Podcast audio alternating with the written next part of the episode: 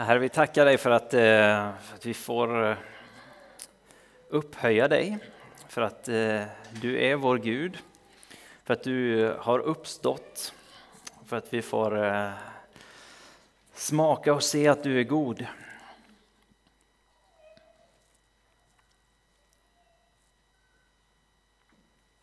Jag tror Herren bara bjuder in oss att, att komma nära honom, att Eh, att kliva fram och, och sticka händerna i hans, eh, hans eh, sårmärkta händer. Att, eh, eh, att se när han, han stoppar bröden i, i munnen. Nu. Men också inse att det, det för, förvandlar våra liv. Det, det finns ett, ett pris med det. Herre, jag ber att du kommer och, eh, och talar det till oss, kallar oss. Tack för att du gör det. Vi ärar dig och vi prisar dig. Vi ber att du leder oss den här stunden nu. Kom och fyll oss. Kom och möt oss. Kom och led oss. I Jesu namn. Amen.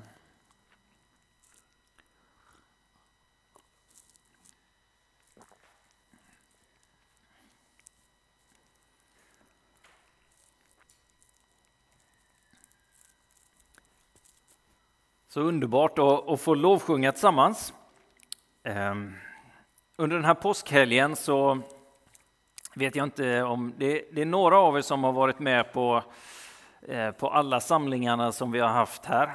Eh, och eh, om det är någon som har haft riktigt skarpa ögon och också lagt märke till det så, så har jag haft en, en liturgisk tanke med mina kavajval. Så jag har, eh, jag har haft en, ett skeende under påskhelgen, gått från svart under långfredagen till grå i påsknatten med hopp om, om ljuset. Och eh, nu en glad blå på uppståndelsedagen. Så eh, dela med er om den den eh, tanken som har glatt mig under den här helgen i alla fall. Så mm, då läser vi evangelietexten. Johannes evangeliet kapitel 20, vers 1 och framåt. Tidigt den första veckodagen, medan det ännu var mörkt, kom Maria Magdalena ut till graven och fick se att stenen var borta från graven. Hon sprang därifrån och kom till Simon Petrus och den andra lärjungen, den som Jesus älskade, och sa till dem, de har tagit bort Herren från graven och vi vet inte var de har lagt honom. Då rusade Petrus och den andra lärjungen ut mot graven. Båda sprang på samma gång, men den andra lärjungen sprang fortare än Petrus och kom först till graven. Han lutade sig in, såg linnebindlarna ligga där, men han gick inte in. Strax efter honom kom Simon Petrus.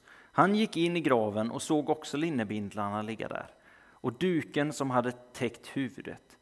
Den låg inte tillsammans med bindlarna utan hopvikt på ett ställe för sig. Då gick även den andra lärjungen in, han som hade kommit först till graven. Han såg och trodde. Tidigare hade de nämligen inte förstått skriftens ord och att han måste uppstå från de döda. Därefter gick lärjungarna hem igen. Men Maria stod kvar utanför graven och grät. När hon gråtande lutade sig in i graven fick hon se två änglar i vita kläder sitta där Jesu kropp hade legat, den ena vid huvudänden och den andra vid fotändan. De frågade henne, kvinna, varför gråter du? Hon svarade, de har tagit min herre och jag vet inte var de har lagt honom. När hon hade sagt det vände hon sig om och såg Jesus stå där, men hon förstod inte att det var han. Jesus frågade henne, kvinna varför gråter du? Vem söker du? Hon trodde att det var trädgårdsmästaren och, han, och sade till honom, Herre, om det är du som har burit bort honom, så säg var du har lagt honom så att jag kan hämta honom. Jesus sa till henne, Maria. Då vände hon sig om och sa till honom på hebreiska, Rabuni, det betyder lärare. Jesus sa till henne, rör mig inte, för jag har inte stigit upp till Fadern än. Men gå till mina bröder och säg till dem att jag stiger upp till min far och er far, till min Gud och er Gud. Maria Magdalena gick då och berättade för lärjungarna att hon hade sett Herren och att han hade sagt detta till henne. Så lyder det heliga evangeliet. Lovad vare du, Kristus. Amen. Uppståndelse, vad är det egentligen? Vad tänker vi på när vi hör det? Jag följer Arsenal, ett fotbollslag. Eh, och de, det var 19 år sedan de vann en ligatitel. De är ett av Englands stora lag och har haft mycket framgångar. Då när de vann titeln för 19 år sedan, då gick de obesegrade genom hela säsongen. Och det är en sån här säsong som, som vi som Arsenal-supportrar talar om som en fantastisk säsong och många andra också. De hade ett fantastiskt lag och då gick de från den, de stora, de fantastiska till att har haft många säsonger av att inte vara det. Eh, och nu är de på väg att kanske, kanske göra det igen. De spelar fantastisk fotboll, de ligger först i ligan. Och på något sätt så är det att de har gått från, kanske inte graven, men, eh, men ändå, man pratar lite om en uppståndelse. Det är uppståndelse runt omkring det i alla fall. Man kan tala om idrottare som har, eh, har haft en, varit bra och så, så har det varit en svacka och så nu de, det är en uppståndelse. Det kan vara ett, ett rykte som har florerat och så har det varit borta och så kommit tillbaka. Ett ord som man använder under en period men så är det tillbaka eller ett, ett mode. Moden går i perioder. Det, det kan, man, man ser, Jag hörde Magnus som ledde lovsång här idag. Han berättade vid ett tillfälle om eh, eh, ja, hur hans Hans döttrar hade sett gamla kort på honom och sagt att han eh, vad, vad fin du var, pappa. Eh, och hur, hur moden går i perioder så, och de uppstår igen. Och lite så här är det ju med, med saker, men det är ju inte riktigt den typen av uppståndelse som vi talar om idag på uppståndelsedagen, att Jesus har uppstått. Och kanske vi bara kan få stanna upp lite grann. Vi har gjort det i lovsången, men bara få stanna upp och ta in hur fantastisk Jesus är.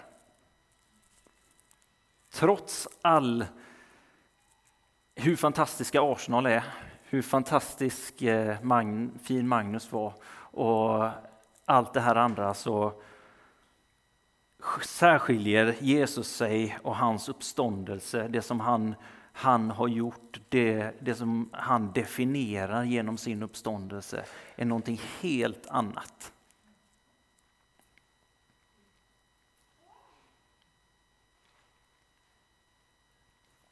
Jesus är Gud. Han är ordet som är av begynnelsen, som har skapat allt.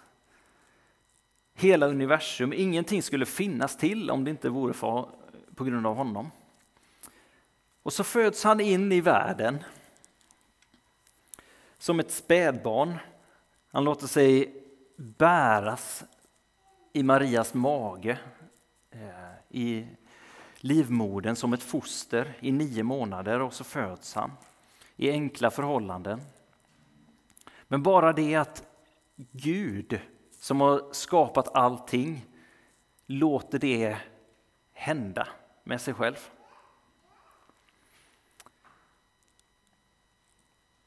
Och så, som Filipperbrevet 2 säger, han var till i Guds gestalt men räknade inte jämlikheten med Gud som segerbyte utan utgav sig själv och tog en tjänares gestalt och blev människan lik. När han till det yttre blivit som en människa ödmjukade han sig och blev lydig ända till döden, döden på korset. Där har vi Jesus. Han som var så mycket större, så mycket högre än vad vi kan ta in och förstå. Men vi kan försöka. Han ödmjukade sig också mer än vad vi kan förstå.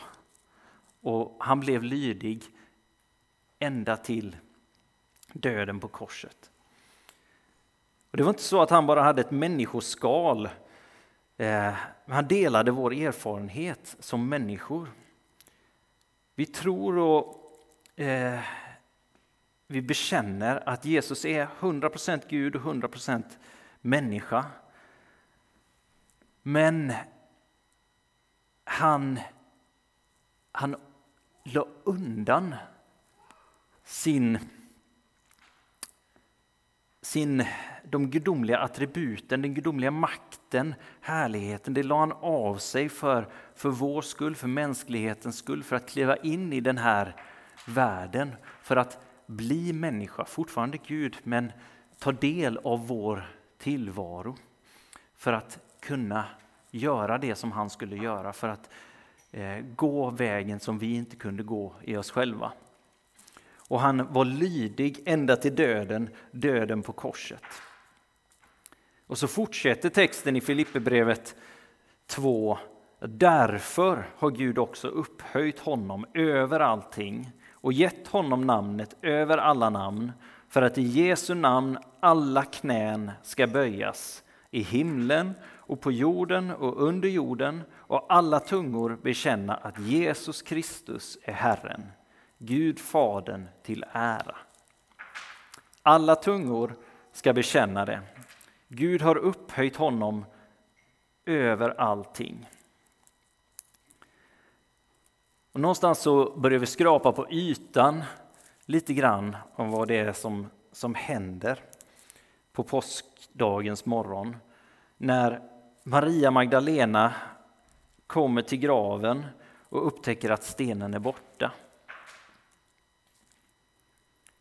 När Petrus och Johannes kommer in i graven och inte hittar Jesus, men de hittar bindlarna efter hans kropp, de som var inrullade runt, eh, ja, runt honom. Och de ser och tror. Och Marias möte med Jesus i trädgården. Och hon blir sänd som första vittne om uppståndelsen. Så är det någonting fantastiskt som har hänt. Det är någonting oerhört. Nyligen här så eh, har Lazarus, Jesus nära vän, han har dött och legat i graven i fyra dagar. Och Jesus kommer eh, mitt ibland en massa människor och väcker upp honom från de döda. Och i den situationen så säger de till Jesus, ja, men det, det här kan vi inte göra. Det är inte, Eh, det är inte läge för detta nu, det är inte läge att ta bort stenen. För han har legat där inne i fyra dagar och han har redan börjat lukta. De tilliten till Jesus kanske inte finns riktigt för, för det som skulle hända då. Men Jesus säger till dem ta bort stenen och Lazarus kommer ut hel och hållen och levande, inte det minsta rutten. Inte utanpå i alla fall. Men när Jesus uppstår så är det någonting annat som har hänt. Lazarus han kommer dö igen. Jesus, han, han är dödad på grund av att han uppväckte Lazarus från de döda. Han är dödad på grund av vem han säger att han är, vad han säger att han bär på, vad, vad han gör, vad han talar. Han är avrättad av ledarna för, för den här världen och han uppstår i ensamhet. Det är inte någon som kommer och, och uppväcker honom från de döda, flyttar undan stenen. Utan Maria kommer dit och hittar att det är ingen sten där. Det är ingen kropp där.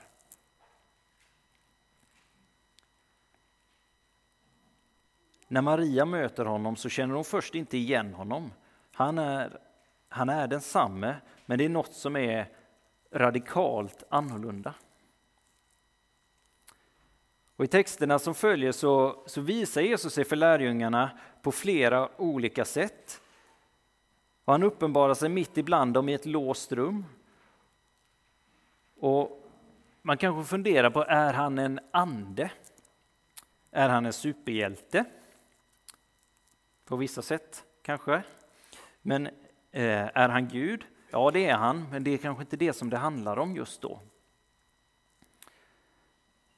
Jesus har till skillnad från Lazarus uppstått genom den stora uppståndelse som eh, tillhör den, den kommande tiden när, när eh, hela skapelsen ska återupprättas, den nya tidsåldern.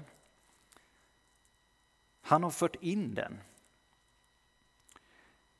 Jesu kropp är en fysisk kropp, märkt av korset. Han är ingen ande, utan kroppen, hans kropp är fullständig förening av, av himmel och jord. Det är uppståndelsekroppen och en försmak av det som vi alla ska få ta del av en dag.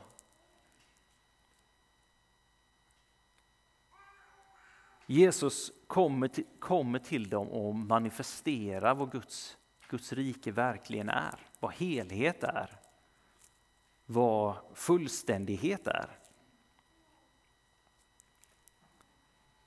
Det är hopp. När de får, får se honom, när de får känna på honom, när de får se så är det inte bara att deras mästare lever, utan det som de faktiskt har hoppats och trott på. Det är här och nu. Han har kommit med det. Sen blir det, är det inte precis som de har trott och tänkt, utan han säger jag ska gå till Fadern och jag ska sända er Hjälparen och ni ska vara mina vittnen om det här till den här världen.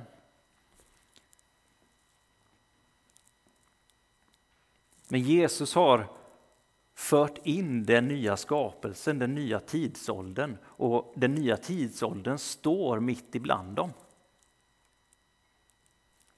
Han är där i kött och blod och han säger ge mig en fisk, känn på mig. Tala med mig, min frid ger jag er.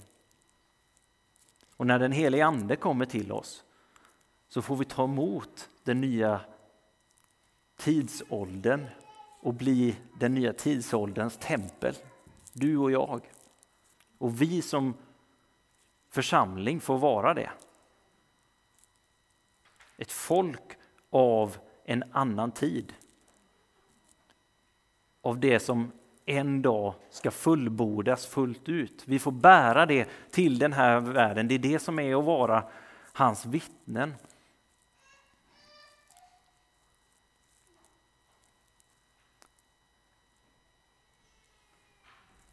Och jag tänker på en, eh, en film från 80-talet, Back to the Future. Är det någon som har sett den?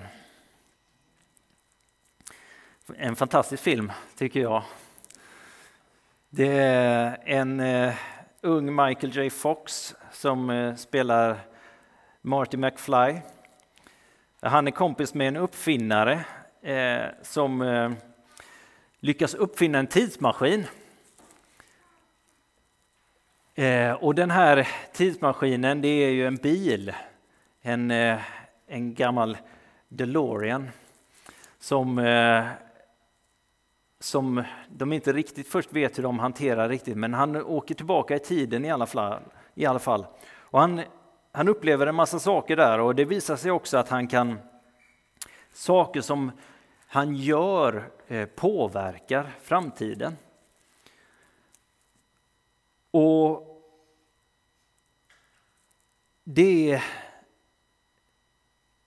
det är på något sätt en bild av kanske vad det här, det som ska bli historiens slut en gång, det som judarna förväntar sig, det som lärjungarna förväntar sig, att uppståndelsen, uppståndelsens dag, Herrens dag. Det kommer Jesus med i sin person. Och han bryter in i historien och säger nu händer detta. Och jag påverkar hela historiens gång fram till, till den dagen. Och han möter Maria och säger Maria och hon, när hon möter den uppståndne Jesus så förstår hon, när hon hör han säga hennes namn, så förstår hon att det här är Jesus. Först tror hon att det är trädgårdsmästaren, men sen förstår hon att det är han när han, han säger hennes namn så känner hon igen honom som den han är. Och, och det förändrar hennes framtid. Jesus är historiens Gud. Han är, Gud, han är den Gud som har tiden i sin hand. Ibland så säger man history is his story. Men han väljer att kliva in i tiden och på uppståndelsens morgon så visar han eh, det. Eh, och vi lever i den här spänningen mellan tiderna och i tron på uppståndelsen, i kraften av uppståndelsen och i hoppet om uppståndelsen. Vi är uppståndelsens folk. Och Jesus, varje gång vi möter honom så påverkar han slutet för oss. Och Johannes, eh, han skriver så här i vers 31.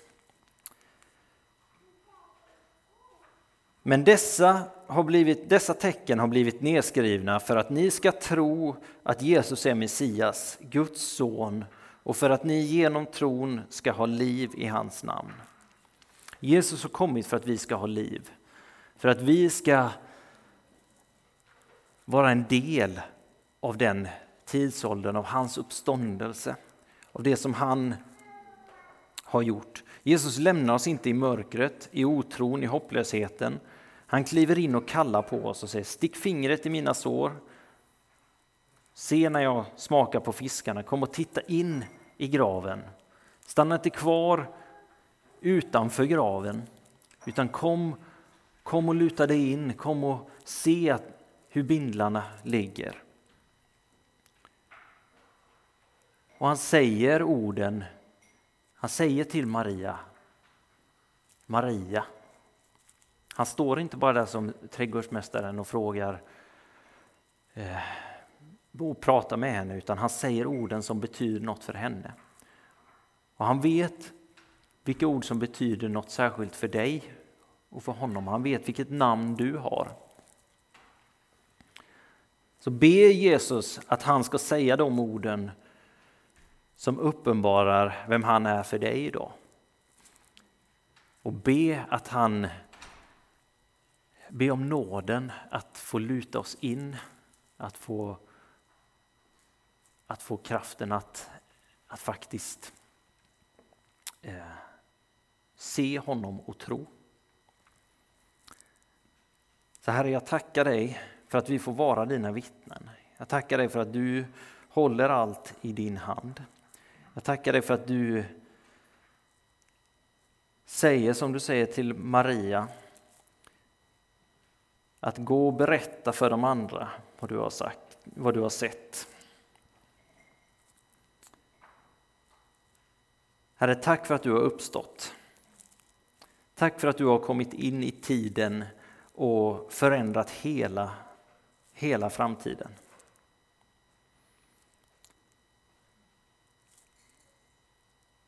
Och tack för att vi får stå på det, att vi får lita på det, att vi får gå med dig. Tack för att du är trofast. Och vi ber att du uppenbarar för oss idag dig själv och din godhet. Amen.